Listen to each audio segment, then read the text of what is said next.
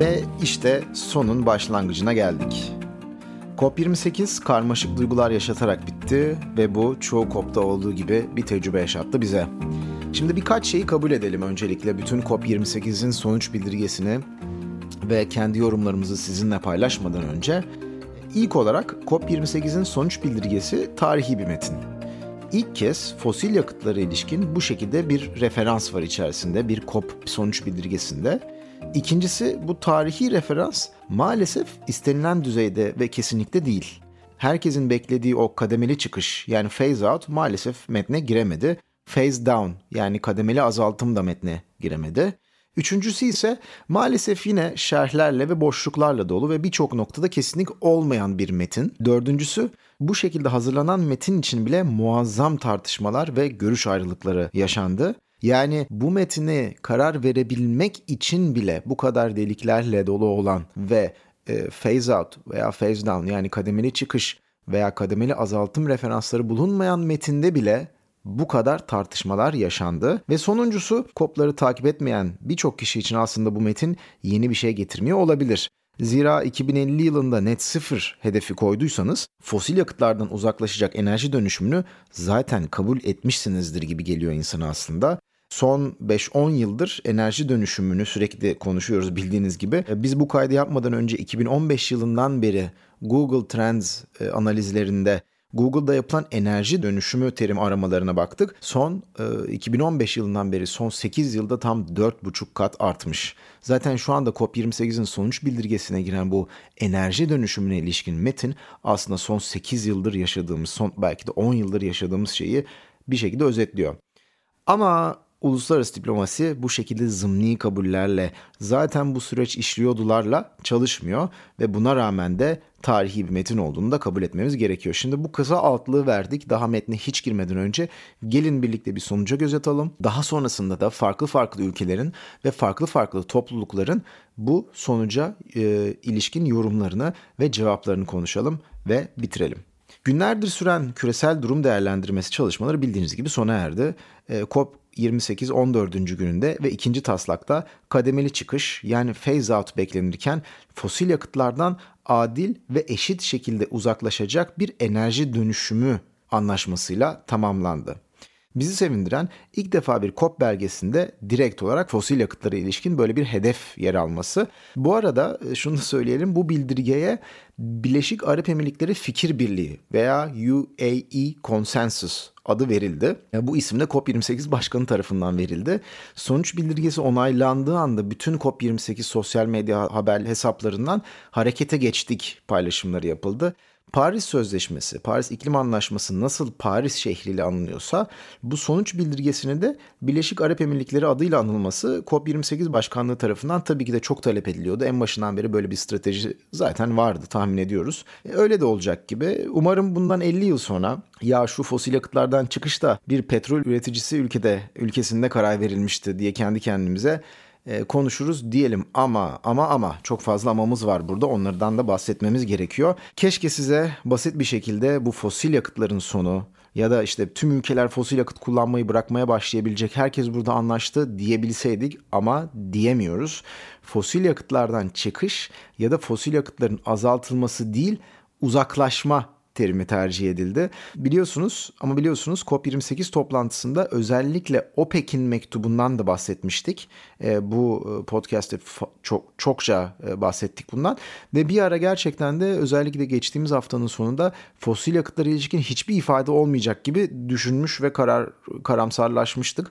Yani aslında kısaca bir ölüm gösterildi ve sıtmaya razı olduk durumu burada geçerli. Tam olarak da bu ve bu deyim gerçekten iklim değişikliği ile ilgili olarak bir benzetme değil bazı coğrafyalar için gerçekten de doğru bir terim. Birçok toplum iklim değişikliğinin etkileriyle işte kuraklıklarla olsun, sellerle olsun, olağanüstü hava olaylarıyla olsun ölüm riskiyle karşı karşıya. Bu metin belki 3,5 derece 4 dereceyi önleyerek 2,8 dereceye götürebilecekse oralarda kuraklık yerine maalesef sıtma gibi salgın hastalıkların tekrar gelmesi ihtimali var. O yüzden de aslında bu bir benzetme ama aynı zamanda da bir benzetme değil. Şimdi 200 delegenin ve bir o kadar da ulusal çıkarın bulunduğu bir toplantıda sonuç bildirgesinin anlaşılabilir olmasını zaten kimse beklemiyordu. Beklememesi de gerekir. Aslında taslak çalışmaları başladığı sırada Avrupa Birliği'nin ve ada ülkeleri birliğinin başını çektiği yüzden fazla ülke fosil yakıtlardan kademeli çıkışın belgede bulunması için ciddi bir şekilde uğraştı. Phase out dediğimiz metin bu.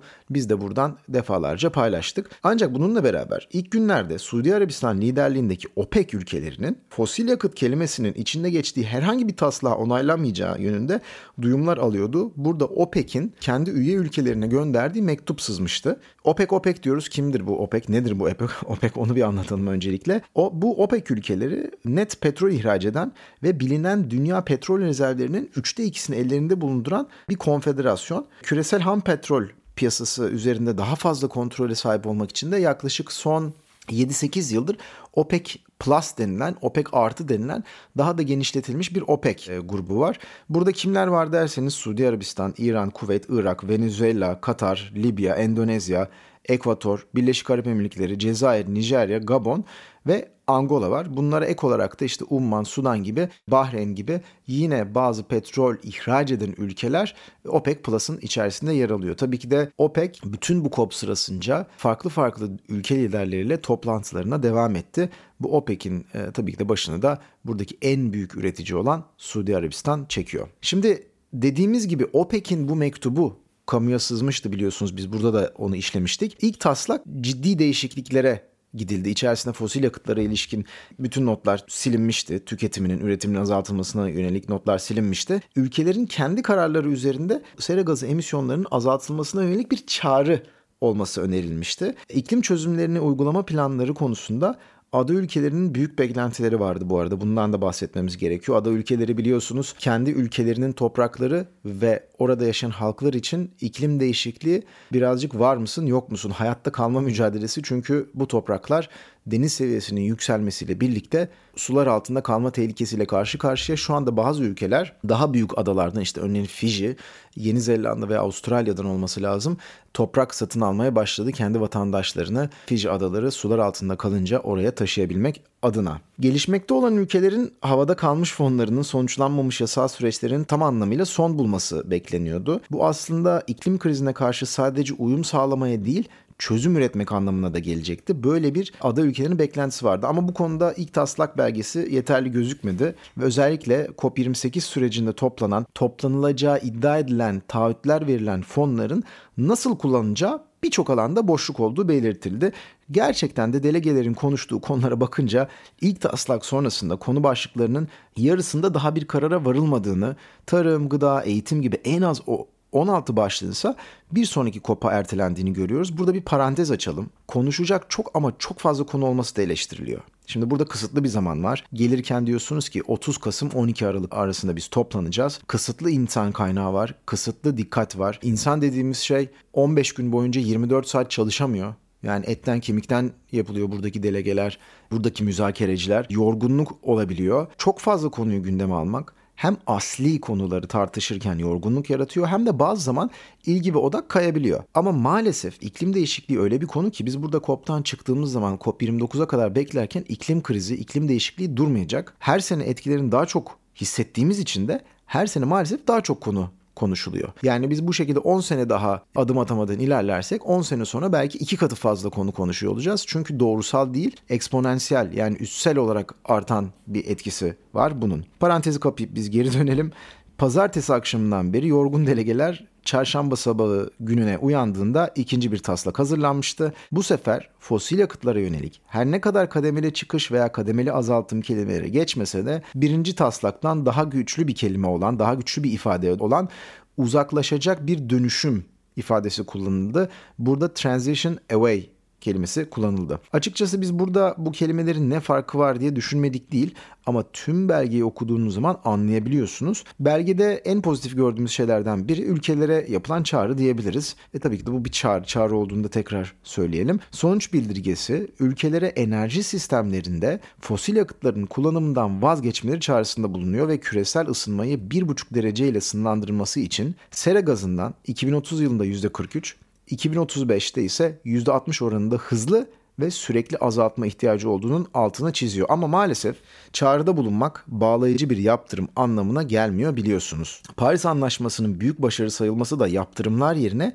bu çağrıyı kullanması yani ülkeleri birbirlerine karşı sorumlu tutmasıydı. Hatta bu konu ilk taslakta da gündeme geldi. Ülkelerin bu adımları yapabilmeleri isteği yani İngilizce could kelimesi çıkarıldı. Şimdi dinlerken gülüyorsunuzdur bu iş kelimeleri mi kaldı diye. Evet bu iş gerçekten kelimelere kalıyor. Savaş sırasında karşı olduğunun liderine gönderilen bir elçiyi gönderirken de kulağına ne söyleyeceğini fısıldıyorsunuz. Mevcut uluslararası diplomasi sisteminin temellerinden birini oluşturan bu Viyana konvansiyonları vardır. Onun tartışmalarında da kelime kelime tartışılmıştı. İnsan hakları bildirgesinde de öyle olmuştu.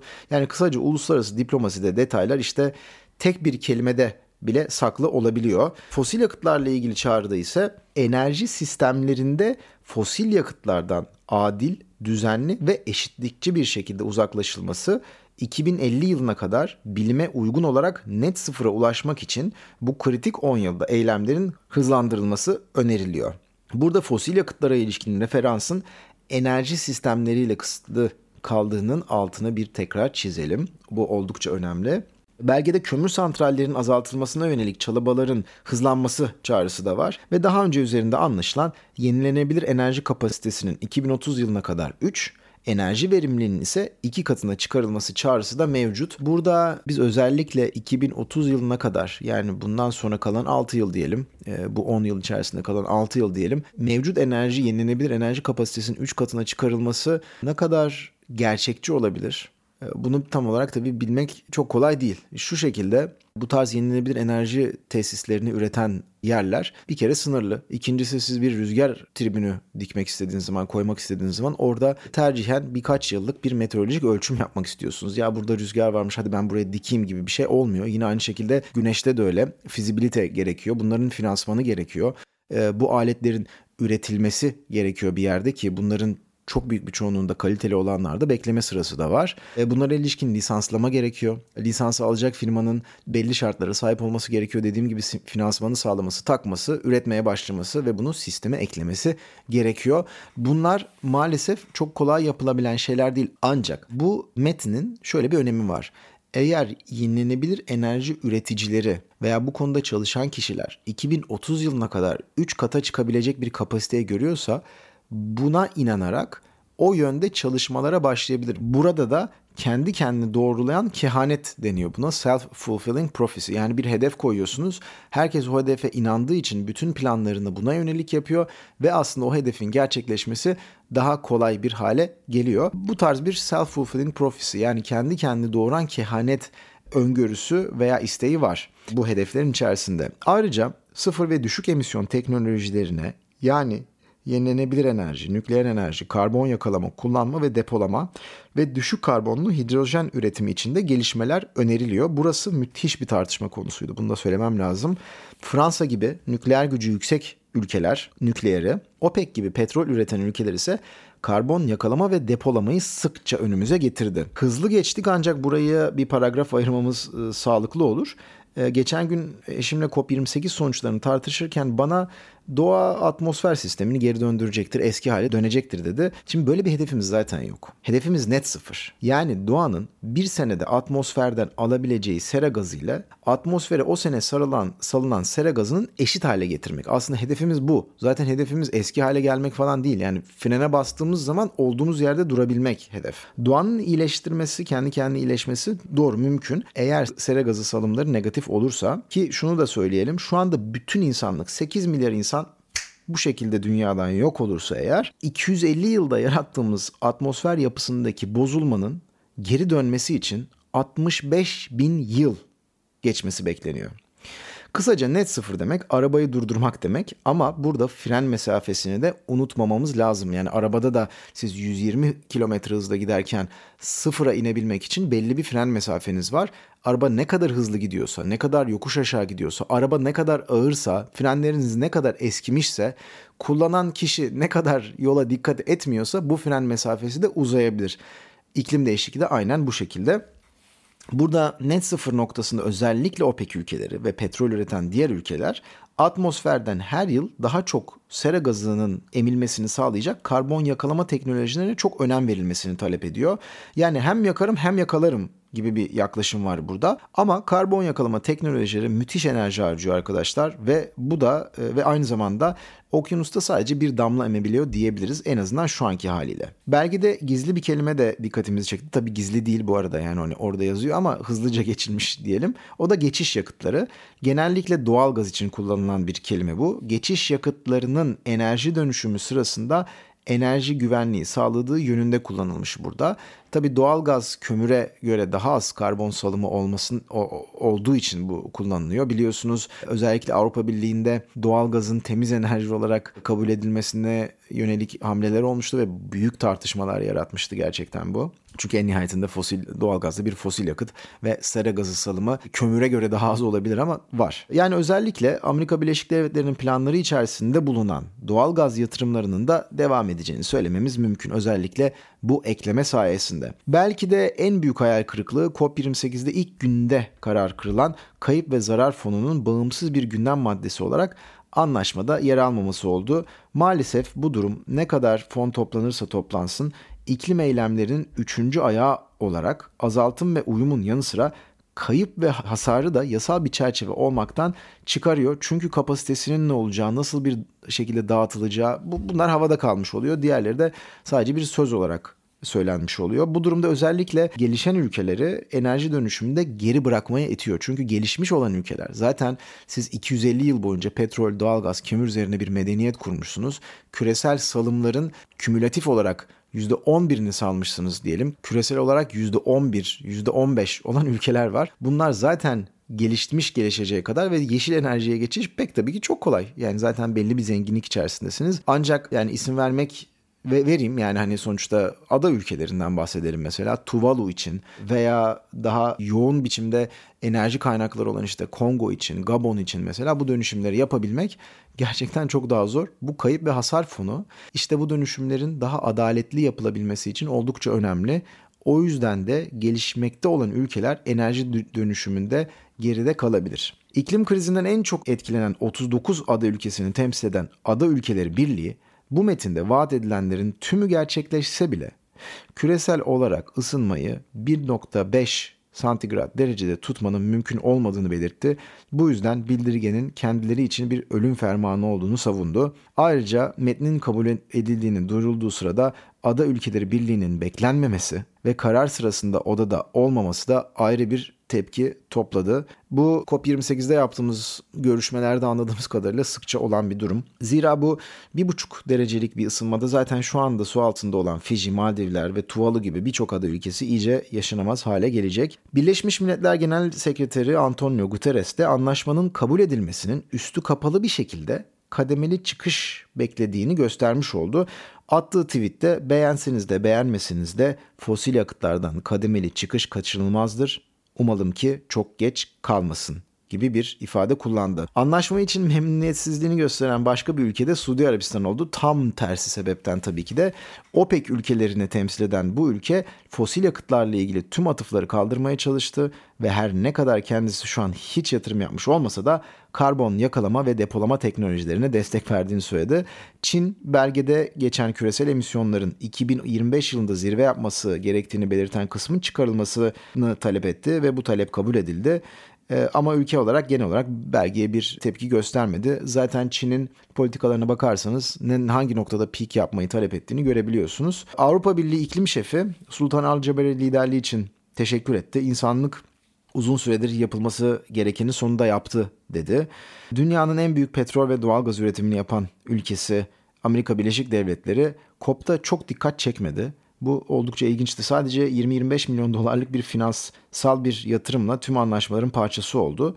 E, aslında doğrusunu söyleyeyim ki bu konu yani Amerika Birleşik Devletleri'nin burada ciddi bir biçimde pasif kalması hem eleştirilere konu oldu hem de o kadar pasif kaldı ki birazcık da böyle şakalara da konu oldu diyebilirim. Amerika Birleşik Devletleri'nin iklim elçisi John Kerry bir sonraki ulusal niyet beyanlarının bu anlaşmayla uyumlu olması gerektiğini hatırlattı. Türkiye Cumhuriyeti İklim Değişikliği Baş Müzakerecisi Fatma Varank'la biliyorsunuz sıfıra yarışta bir podcast kaydetmiştik. O da başarılı bir organizasyona şahit olduklarını, COP29'un önümüzdeki yıl Azerbaycan'da düzenlenmesinden son derece memnun olduklarını, IPCC'nin de gelecek yıl yani 2004 yılında Ocak ayında İstanbul'da toplanacağını hatırlattı.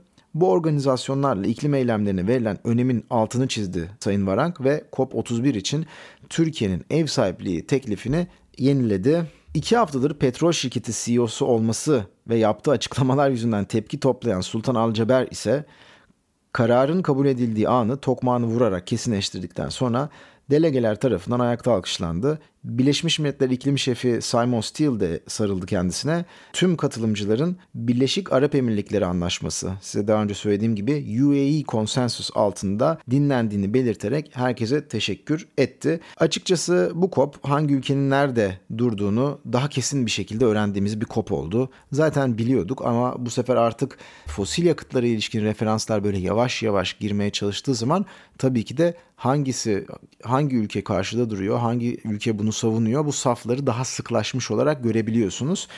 Bundan sonra ülkelerin nasıl adımlar atacağını kestirmek bizce çok erken. Takip edeceğiz. Ama bundan sonra ülkelerin nasıl adımlar atacağını kestirmek bizim için çok erken şu anda. Takip edeceğiz. Ve bizim için de COP28 yolculuğunun sonuna gelmiş olduk. Sıfır Yarış Podcast için özellikle Çevre, Şehircilik ve İklim Değişikliği Bakanlığı'na ve İklim Değişikliği Başkanlığı'na Prodüksiyon ekibi Podbi Media ve görsel tasarımları için Aleskut İstanbul'a çok teşekkür ediyoruz. Bu araştırmaların yapılmasında emeği geçen Esmiyor'dan tüm ekibimize ayrıca çok teşekkür etmek istiyorum ama en büyük teşekkürler tabii ki de siz dinleyicilere.